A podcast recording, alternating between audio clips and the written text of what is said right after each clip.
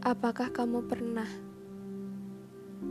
memberi alasan untuk aku bertahan dan tidak pergi? Jawabannya adalah tidak. Kau hanya berdiam diri dan menyetujui. Berhenti seolah-olah kau korban, padahal sejujurnya kaulah seorang pelaku dalam ceritamu. Cuma saja aku mengambil alihmu. Untuk apa aku bertahan jika dirimu tidak mengharapkan? Dan pasti itu akan sangatlah menyakitkan, karena aku menerimamu dengan rasa menghargai, bukan mencintai.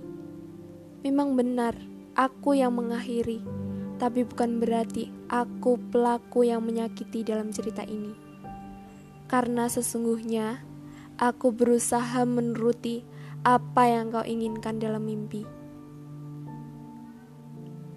Jika otakmu tidak bisa menerima, maka tanyakan saja. Dan pesanku, sekali tersakiti, tak perlu mengulang kedua kali. Jika kau melakukan dengan orang yang sama, maka rasa sakitnya akan tetap sama, walaupun berbeda waktu maupun harinya.